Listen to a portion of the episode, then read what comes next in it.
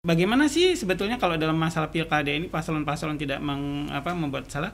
Jadi selalu kita kalau saya bilang selalu kami itu membuat surat cinta. Uh, harus hati-hati konsep di sini ketika uh, memberi dan menerima itu menjadi pidana, kita harus lebih hati-hati, lebih baik tidak usah menerima gitu kan. Dan sekarang baru-baru aja uh, saya pribadi uh, saya sudah uh, pernah mendapatkan bahwasanya saya mau diculik.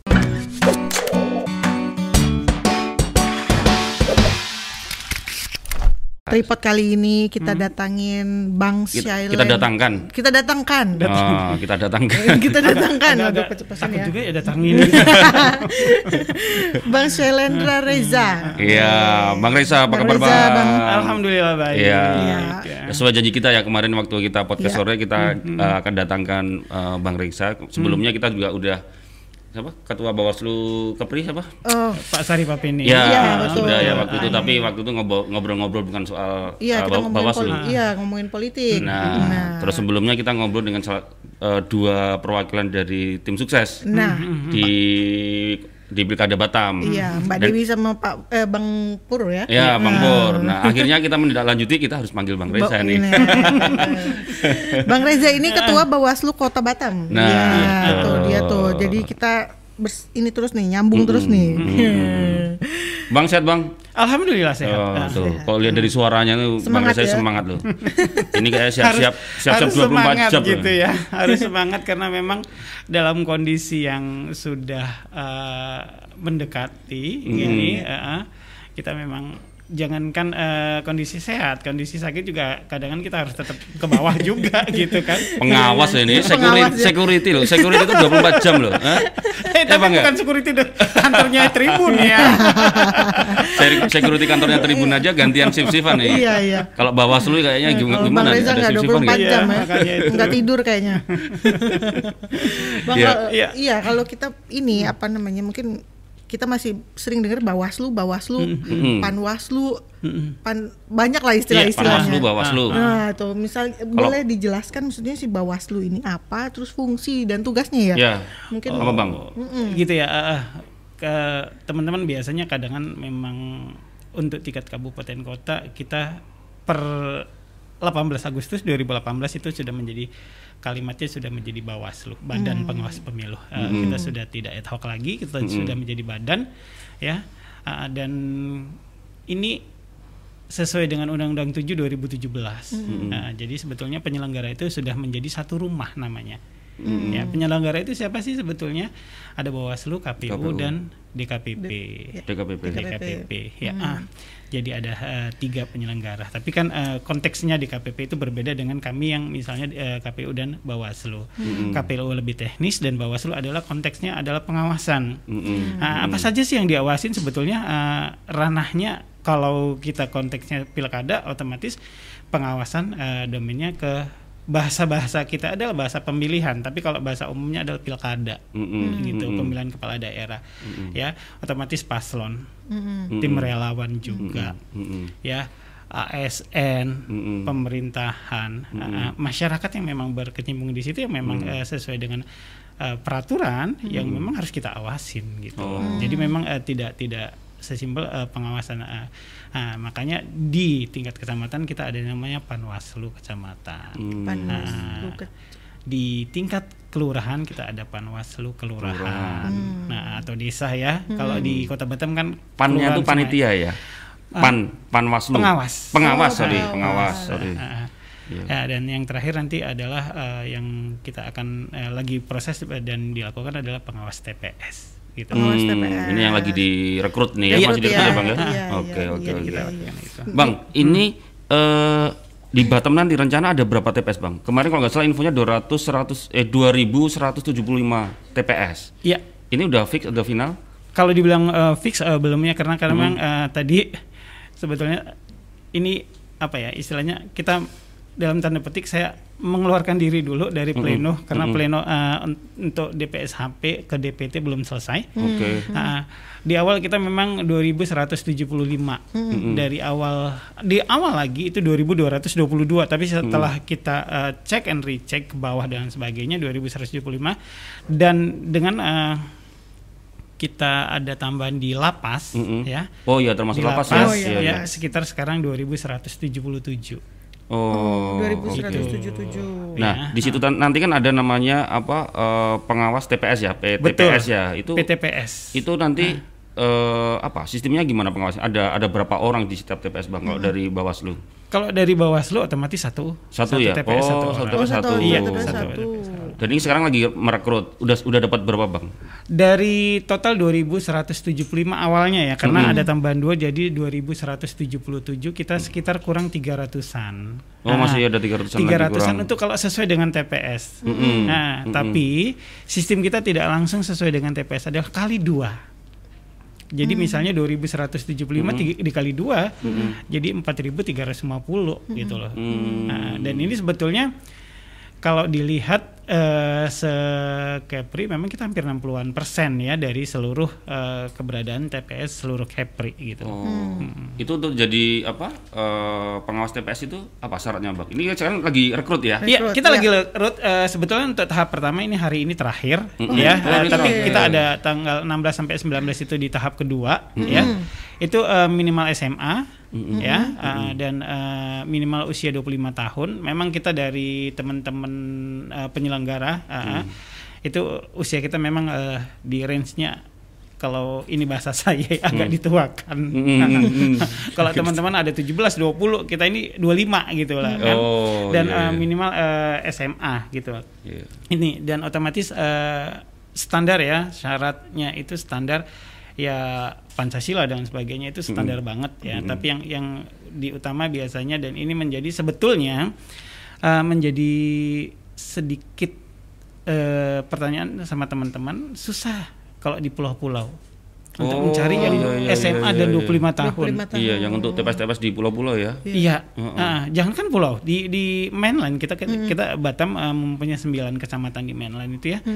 Ini aja tidak tidak langsung cepat dapat gitu ya. Nah, kita memang harus eh, apa ya berusaha semaksimal mungkin untuk bisa mendapatkannya. Makanya kalau kemarin eh, misalnya dari tim Tribun menghubungin saya, saya masih ada di beberapa kecamatan di pulau-pulau. Memang ya itu harus monitoring sejauh mana rekrutmen ini berhasil begitu. Apalagi harus bukan 100%, 200%. Jadi 4.350 awalnya gitu. Iya, dua kali lipat dari jumlah TPS ya. Tahapannya apa emang bang? Maksudnya dia nanti eh, administrasi. Ya administrasi nanti otomatis ada wawancara. Oh, wawancara. Iya. Mm-mm. Setelah wawancara nanti kita umumkan calon terpilih. Hmm. Nah, jadi calon terpilih dulu nih, Nah, nggak nggak ada langsung terpilih ya. Ada tanggapan masyarakat. Mm-mm. Kan kita nggak hafal tuh 2175 orang. Kita bilang 2175 dulu lah Iya, ya oke. dari data awal. 2175.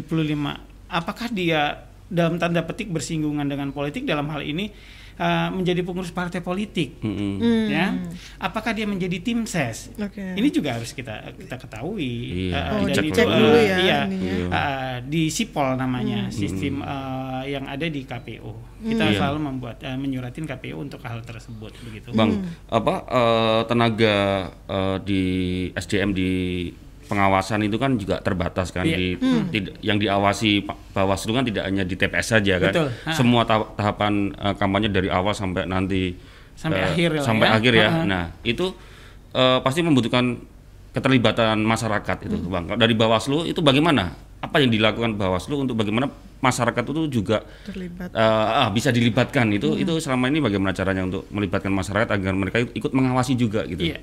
Uh, simpelnya kita tetap menjalin silaturahmi uh, uh, ke organisasi masyarakat, organisasi kepemudaan dan uh, organisasi mahasiswa, ya. Begitu juga kita uh, ada MOU Bawaslu, MOU dengan beberapa university ya, untuk uh, merekrut teman-teman untuk bersama-sama menjadi relawan lah gitu ya. Relawan ya itu di luar yang tadi Iya, ah, apa, yang memang PTPS betul, tadi ya. ah, Ah. yang memang betul sekitar 2000. Totalnya kalau dari kota sampai ke TPS itu sekitar 2300 lebih ya, 2300-an, 2350. Nah, di luar itu kita juga ada namanya kadar pengawasan. Oh. Hmm. Kadar pengawasan ini untuk eh, di Kepri kemarin kita sudah rekrut dan mereka sudah di Bimtek selama dua minggu di Bogor ya. Ini ini ini kadar pengawasan RI kita bilang ini enak enak banget karena apa? Mereka di Bimtek di Bogor dengan memang eh, orang-orang yang betul-betul oke banget ya membentak mereka. Begitu juga di tingkat eh, provinsi, provinsi ada. Tapi karena pandemi ini akhirnya kita nggak bisa ketemu langsung ya. Hmm. Jadi lebih banyak eh, daring lah begitu. Hmm. Bang kalau ditanyakan kan kalau kita kerja pasti ada KPI ya kan. Nah kalau Bawaslu ini KPI-nya apa sih bang? Maksudnya di- indikator suksesnya itu apa? Eh, indikator sukses orang selalu mengatakan indikator sukses itu sebetulnya kalau sekarang bagaimana masyarakat itu aware terhadap eh, peraturan-peraturan yang ada. Jadi makanya kita perspektif kita tidak langsung eh, ini salah tidak. Hmm. Proses pencegahan yang kita utamakan. Hmm, mitigasinya Kalau- ya. Iya. Mm-mm. Jadi kita bi- biar preventif ya, biar kita supaya tidak eh, melakukan bagaimana sih sebetulnya kalau dalam masalah pilkada ini paslon-paslon tidak meng, apa membuat salah. Jadi selalu kita kalau saya bilang selalu kami itu membuat surat cinta. Basik. Apa tuh? Ya, surat cinta. Romantis kali Surat bang. cinta eh, biar enak Ya, bahasa. iya, iya. Biar gak tahu berat ya. Ini kan ngomong pilkada ya. Nah, jadi eh, sama pileg pilpres kemarin juga kayak gitu, ya. Dan eh, tadi saya juga sudah menandatanganin surat cinta yang sel- selanjutnya Eh, di tengah-tengah pleno juga saya menandatanganin eh, beberapa surat, ya. Karena memang itu yang harus kita lakukan supaya apa? Tidak terjadi kesalahan-kesalahan. Surat cinta ini dari siapa tuh siapa? Dari Iya siapa? otomatis Dari dari, Bawaslu, Bawaslu, dari. Bawaslu. dari Oke. Bawaslu ke baik kepada uh, penyelenggara ataupun uh, pemerintah Ya. ya dan otomatis kepada paslon. Oh, oke. Begitu.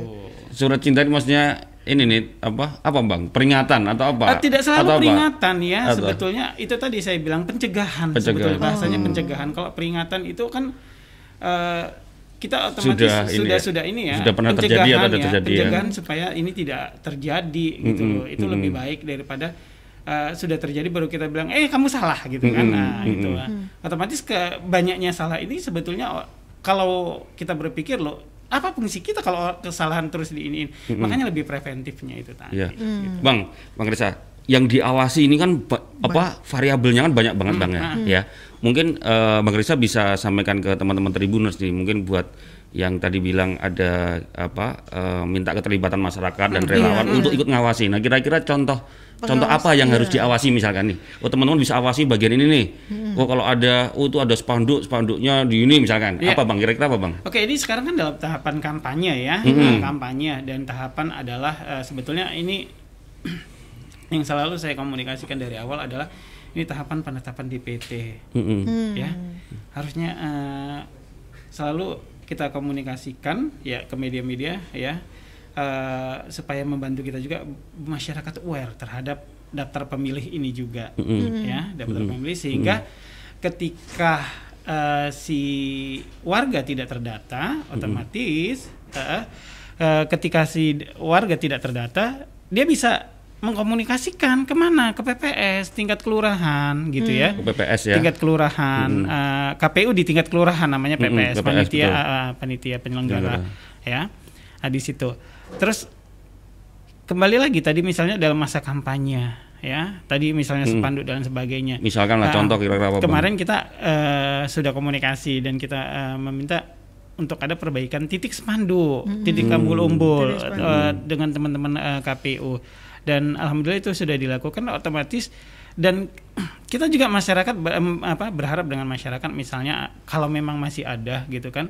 Karena sekali lagi dengan sekarang kami masih sekitar per kecamatan cuma tiga ya panwaslu. Oh, Ah, Panwaslu. ah, ah.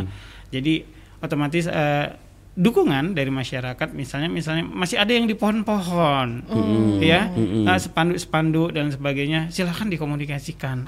Karena kalau masyarakat yang menarik nanti kasusnya beda lagi gitu kan Oh. Ah, tidak boleh masyarakat secara langsung gitu loh Oh, oke Ya. oke. Ya, jadi, Nggak boleh eh, maksudnya langsung Dicabut gitu ya? Nindak Iya, gitu ya. boleh. Di, Iya. dikonsultasikan atau Iya disampaikan baik ke itu ya. disampaikan saja kepada kami gitu Oh. biar lebih enak nanti eh, kami juga kayak kemarin kita baru tahap pertama untuk menurunkan eh, alat peraga sosialisasi yang konteksnya sekarang kita lebih terkenal alat peraga kampanye itu Mm, mm, mm, Emang. gitu Eh, kita sering sih dengar maksudnya eh, KPU sama Bawaslu tuh sering apa maksudnya kadang Bersitegang. beda apa ya ya mungkin Anita gitu ya ser- sering salah persepsi Iya, belum benar. belum dengan dengan tim sukses ya dengan tim gitu kan misalkan eh, yang disarankan adalah titik di di apa yang nggak boleh titik di sini gitu kan. Iya. berarti artinya kalau di luar titik itu boleh gitu nah kadang kan sering se- seperti itu kan sering jadi persoalan Iya. lah kalau Iya, iya. kalau itu ini nah tadi bang Rizal sampaikan masyarakat juga nggak boleh asal langsung ini ya kalau itu ternyata benar kalau kalau masyarakat menganggap itu salah kan takutnya nanti akan Beda ini, beda artinya iya, kan iya, ya. betul. itu jadi lebih baik di disampaikan dikomunikasikan ke kita ya. aja karena Iya. apa? Ada proses pidananya nanti. Selain itu apa bang? Misalkan kalau tadi kan ini masa kampanye. Selain itu apa kira-kira? Masyarakat bisa berperan berperan mengawasinya itu contoh lagi lainnya apa lagi contoh? betul. Eh, contohnya adalah ketika eh, paslon melakukan kampanye. Ya ada beberapa tempat yang memang tidak bisa dilakukan kampanye ya lembaga pendidikan sarana pemerintahan sarana kesehatan sarana ibadah itu kan tidak boleh untuk berkampanye ya. Eh, silakan kalau memang ada. Tapi ketika misalnya eh, calon eh, itu melakukan ibadahnya dia Mm-mm. ya ya tidak masalah dong namanya melakukan ibadah. Yang penting eh, prosesnya ibadah ya Iya, iya. bukan kampanye itu aja itu Tapi Iya. kalau misalnya nanti kita melapor nih ya, Iya. misalnya masyarakat nih yang melapor nih, tapi ada ketakutan-ketakutan dari masyarakat ketika Hmm, melapor, intimidasi apa? intimidasi. Hmm. Nah, itu apa emang ada jaminan sendiri untuk si si pelapor ini, maksudnya masyarakat lah yang. Ah, iya. Kalau kita selama ini eh, tidak pernah mempublish eh, secara umum ya eh, siapa-siapa yang melapor gitu, tapi biasanya eh, teman-teman yang melapor juga pingin dong dia eh, di di publish juga gitu, ada juga Ada ya. juga yang mau. Ah, ada yang mau, tapi terserah. Tapi kita secara kelembagaan tidak. Kalaupun kalaupun nama otomatis kita memang mengumumkan siapa pelapor. Nah, nanti terakhir di akhir itu siapa pelapor, tapi kan nggak ada alamatnya. Nama itu bisa saja siapa saja kan, gitu. Pokoknya aman dipegang Bawaslu lah ya. Aman, Iya, ya. iya, iya, iya. Karena sampai sekarang eh, dari saya 2012 menjadi eh, Panwaslu sekarang di Bawaslu kita nggak pernah mempublish nama siapa yang ininya. Hmm, oke oke. Tapi kalau misalnya dia jadi korban yang dikasih ini, saya mau kasih duit nih buat keluarga kamu misalnya gitu, dan dia melapor, Nah, otomatis kan itu yang menjadi tersangka dari si mungkin dari paslonnya mungkin. Nah itu memang ada jaminan untuk dia Apa? ya takut selamat- Jaminan keselamatannya Iya. gitu kan? Dia sebenarnya Eh, kayak menerima nih loh sebenarnya saya disogok duit seperti ini. Oh, Saya gitu. Iya iya. Ya sama aja nih. Ya Iya kan? boleh ngelaporin yang ngelaporin Iya. ya itu. Yang ngelaporin tidak misalnya dia tetap terima tapi dia ngelapor. Mm-mm. Iya, Apa itu makanya jadi- tuh gini, eh, di konsep pilkada sekarang ini yang menerima, eh, yang memberi dan menerima itu eh, bisa menjadi eh, kasus pidana. Oh. Nah, tapi ketika apa ya, otomatis ketika dia melaporkan, otomatis sebetulnya dia tidak mau nerima ini, Iya, makanya betul. tuh, ya. Eh, harus hati-hati konsep di sini ketika eh, memberi dan menerima itu menjadi pidana kita harus lebih hati-hati lebih baik tidak usah menerima gitu kan nah ketika eh, hal-hal ini tidak kita lakukan eh, masyarakat eh, tidak ada melakukan hal-hal ini sebetulnya tidak ada apa ya saya bilang kerugian juga di masyarakat gitu loh Mm-mm. gitu Tapi Iya. dia bisa berubah jadi saks- statusnya jadi saksi gitu. apanya Jadi saksi gitu. Enggak ya? Kalaupun Atau dia nanti dapat sanksi enggak, enggak. Kalau kita klarifikasi kan kita juga tertutup ya. Oh. Kita klarifikasi dengan tidak waktu yang sama gitu loh. Hmm, Ya. Jangan-jangan udah terima duit nih. Enggak. Misalnya kan Iya. kita nggak tahu masyarakat Iya terima ada- duit Pasti dari- banyak yang gitu kan? Iya, Ah, iya, gitu. iya. Kadang sih mungkin banyak yang terima tapi nggak kasih tahu. Ya, ah, masing kantong aja ya. Iya iya iya iya. iya. Bang, ter- terkait dengan pemutakhiran eh, Data. data. ini kan termasuk sangat krusial ya di di setiap tahapan pilkada ini. Eh, biasanya di situ tuh ada ada potensi pelanggaran apa sih biasanya di di Kalau di apa soal eh, data pemilih gitu tuh biasanya kalau di di bagian itu biasanya potensi pelanggarannya tuh apa? Potensi pelanggaran sebetulnya menghilangkan hak pilih. Itu yang utama. Jadi dibikin apa sedikit gitu atau gimana bang? Ya tidak, tidak dibikin sedikit. Makanya eh, ketika eh, coklit eh, pencocokan dan eh, penelitian data, ini kan data itu eh, namanya pemutakhiran data itu adalah me- data DP4 itu data awal yang dari Dirjen eh, Dukcapil yang diberikan ke pem- eh, KPU dan otomatis eh, kita juga biasanya salinannya terima. Itu nanti di kalau bahasa saya dimutakhirkan nah, dengan cara dicoklit. Pencocokan dan penelitian di lapangan yang dilakukan oleh tim eh, KPU di tingkat RT RW sesuai enggak sih gitu. Hmm. Ya kalau teman-teman KPU mengatakan de jure ya, bahwasanya hmm. KTP uh, dia tinggalnya misalnya di daerah uh, Tribun ini ya KTP-nya harus daerah sini gitu ya. hmm. ya. Hmm. Uh, jadi sesuai dengan alamat tinggal. Hmm. Itu sesuai enggak gitu. Hmm. Nah, dan sebetulnya ini juga menjadi pertanyaan tadi uh, bagi teman-teman ketika ini kan masyarakat Batam banyaknya yang Apa? ini ya uh, keluar masuk keluar masuk ya pindah pindah Maaf, ya pindah pindah dari satu tempat ke tempat lain dan mm -hmm. sekarang juga untuk uh, ini juga tadi ada di uh, di Capil untuk melakukan apa KTP itu tidak tidak secepat dulu kan. Hmm. Nah, hmm. Tapi alhamdulillah tadi uh, di Sudut Capil mengatakan per kecamatan itu bisa 150 KTP. Hmm. Tapi orangnya langsung yang harus datang. Yang harus ambil. Iya iya iya. Gitu. Nah, Betul. kalau si uh, Bawaslu sendiri di proses pe pemutakhiran ini hmm. lebih ke perannya apa? Kita tetap kita mengawasi, mengawasi. ya. Uh, ketepatan sekarang uh, KWK namanya ada data awal data awal KPU itu kita tidak terima gitu hmm. uh, karena memang uh, ada uh, peraturan uh, dari teman-teman KPU itu yang menyatakan bahwasanya uh, itu ada data yang memang dikecualikan hmm. okay, ya okay, tidak okay. bisa dipublish hmm. kan ada data NIK dan sebagainya ya hmm. hmm, hmm. jadi kita terima tidak terima tapi ketika mereka turun ke bawah hmm. kita dampingi hmm. kita di situlah ngawasin hmm. betul tidak hmm. yang mereka lakukan hmm. ya misalnya uh, dalam satu kakak ya belum tentu yang terdaftar misalnya satu kakak itu dua padahal anaknya itu udah usia 17 tahun mm-hmm. nanti di tanggal nyoblos. ini mau nyoblos mm-hmm. otomatis kan harus dimasukkan otomatis mm-hmm. ada tambahan-tambahan itu yang uh, dilakukan mm, yeah, yeah, yeah, nah, itu juga harus kita awasin supaya teman teman-teman yang di bawah ini bisa melakukan itu semaksimal mungkin hmm. ya itu dari dari sekecil itu kita lakukan juga hmm. gitu iya bang hmm. uh, selama ini kan uh, bang Rizan lama nih kan termasuk lama lah di Bawaslu ya lama 2000 banget kali ya? lama banget ya enggak lah dari 2012 nah. ya bang 2012 dulu di yeah. pilek-pilek kan kita masih ad hoc ya. Iya, yeah. oh, iya, iya. Hmm. Bang, uh, selain uh, terkait dengan data pemilih itu hmm. uh, kebanyakan itu pelanggaran-pelanggaran seperti apa sih di setiap uh, pilkada uh, pilkada lah khususnya. Hmm. Kalau pilpres mungkin anu lagi ya uh, lebih kompleks atau bagaimana nggak tahu atau lebih kompleks pilkada di di kota gitu. Hmm. Selama biasanya paling banyak itu pelanggaran-pelanggaran seperti apa? Selain data uh, tadi ya. Netralitas ASN masih ada juga hmm. ya. ASN ya, ya soal ASN ada juga hmm. ya. Uh, sama dengan pilek pilpres kemarin juga hmm. kita sudah melakukan itu ya. Otomatis uh, kampanye di luar jadwal. Tapi karena sekarang hmm. kampanye itu lebih banyak daring ya hmm. dan pertemuan juga tatap mukanya tidak signifikan se sebanyak dulu, hmm. ya itu juga sudah kita lakukan gitu loh. Mm -hmm. dalam artian kalau dulu kan um, ada kampanye terbuka uh, yang memang betul-betul mm -hmm. uh, mendatangkan artis dan sebagainya kan sekarang sudah tidak. Palingan mm -hmm. maksimal juga 50 orang. Mm -hmm. Ya.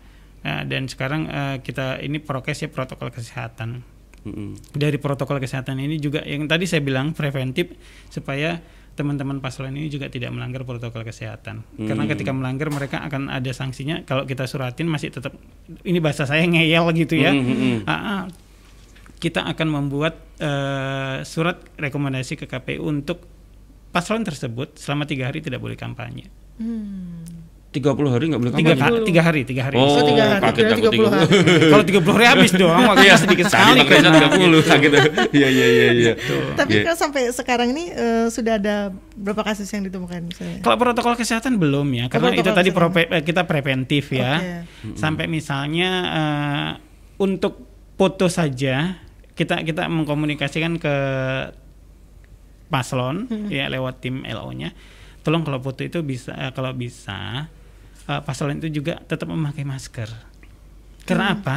Ini kan kita tidak tahu si A si B si C, hmm. ya. Foto itu kan kadang-kadang kita suka uh, mentransfer ke sosial media. Hmm. Oh, ini nanti si calon tidak pakai masker dan sebagainya gitu. Padahal sekedar foto gitu kan. Kita hmm. tidak tahu uh, alurnya itu bagaimana. 100% hmm. kadang-kadang kita langsung share saja begitu hmm. kan hal-hal begitu juga kita komunikasikan hmm. supaya memang terjaga uh, per, apa ya protokol kesehatan tersebut dan kita juga melihat juga ketika kampanye apakah ada ini uh, untuk cuci tangannya Hmm, jadi betul-betul protokol kesehatan uh, dalam masa COVID-19 ini kita uh, kita lakukan juga gitu. Tambah banyak ya. Tambah banyak yang ya, diawasi tambah ya. banyak ya tahun ini ya Bang betul, ya. betul Ya kan? ada tambahan-tambahannya gitu. Terkait protokol kesehatan. Bang, tadi kalau soal ASN kan termasuk eh, sering ya dan paling banyak ya. Enggak Itu- paling banyak juga lah. Nggak paling banyak juga ya. Kalau Kalau Biasanya misal kalau kalau yang pilek pilpres kita otomatis si si calon ya. Mm-mm. Oh lebih ke Ah, calonnya yang lebih ke calon. Oh kalau misalkan nih khusus ASN bang ini Hmm. kan kalau ASN itu kalau misalkan dia terbukti tidak netral itu apa sanksinya Sanksi. apa?